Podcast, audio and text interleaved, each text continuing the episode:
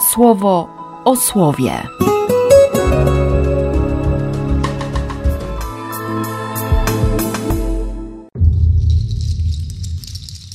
Czternasty października, piątek.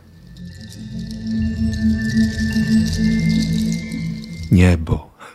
Wtedy również my, zgodnie z odwiecznym planem tego, który każdą sprawę realizuje według swojej woli, dostąpimy tego zaszczytu, by zaistnieć w blasku Jego chwały.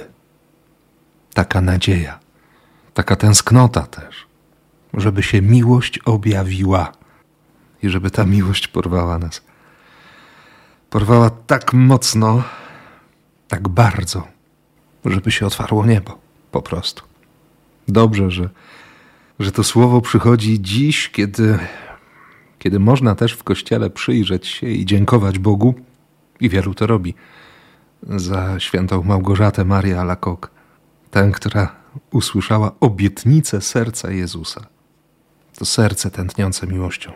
I dobrze, że to słowo przychodzi też w Dzień Edukacji Narodowej, bo bardzo ważnym szczegółem jest dzisiaj to, że, że Jezus owszem widzi te dziesiątki tysięcy ludzi, te tłumy tak wielkie, że ludzie nawet tratują się wzajemnie, byle tylko zbliżyć się do Jezusa i posłuchać Jego nauczania, jak zaznaczy święty Łukasz w pierwszym wersecie dwunastego rozdziału, ale On koncentrował się głównie na szkoleniu uczniów.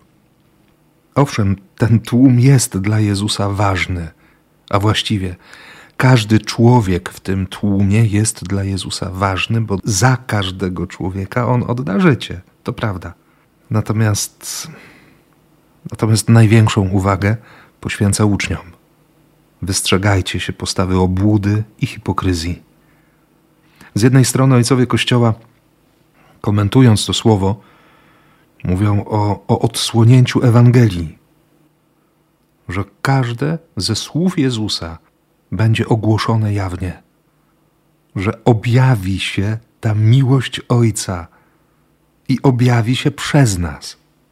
I nowy przekład dynamiczny też idzie może trochę inną drogą, ale, ale w tym samym kierunku. Nic z tego, co faryzeusze starają się zasłaniać, nie będzie zasłonięte na zawsze. To, co skrywają, nie pozostanie skryte na zawsze. Wy natomiast postępujcie inaczej, niezależnie od tego, czy mówicie coś prywatnie pod osłoną nocy, czy publicznie w świetle dnia. Zawsze postępujcie tak, jakbyście byli heroldami, którzy stojąc na dachach domostw głośno wołają. I pamiętajcie, że najwyższy, ten, do którego należy wasze życie, wasza przyszłość, wasza wieczność, on prawdziwie troszczy się o was. Bóg nie zapomina o żadnym wróblu, tak samo dokładnie zna każdego z nas. Nie lękajcie się. W Jego oczach wasza wartość znacznie przewyższa stada wróbli. Uwierzyć, pamiętać, że naprawdę jesteśmy ważni dla Niego, że nie jesteśmy byle kim, że Jemu zależy zawsze. Zawsze. Dlatego tak bardzo świadomie i jak tylko potrafię. Błogosławię Cię w imię Ojca i Syna i Ducha Świętego. Amen.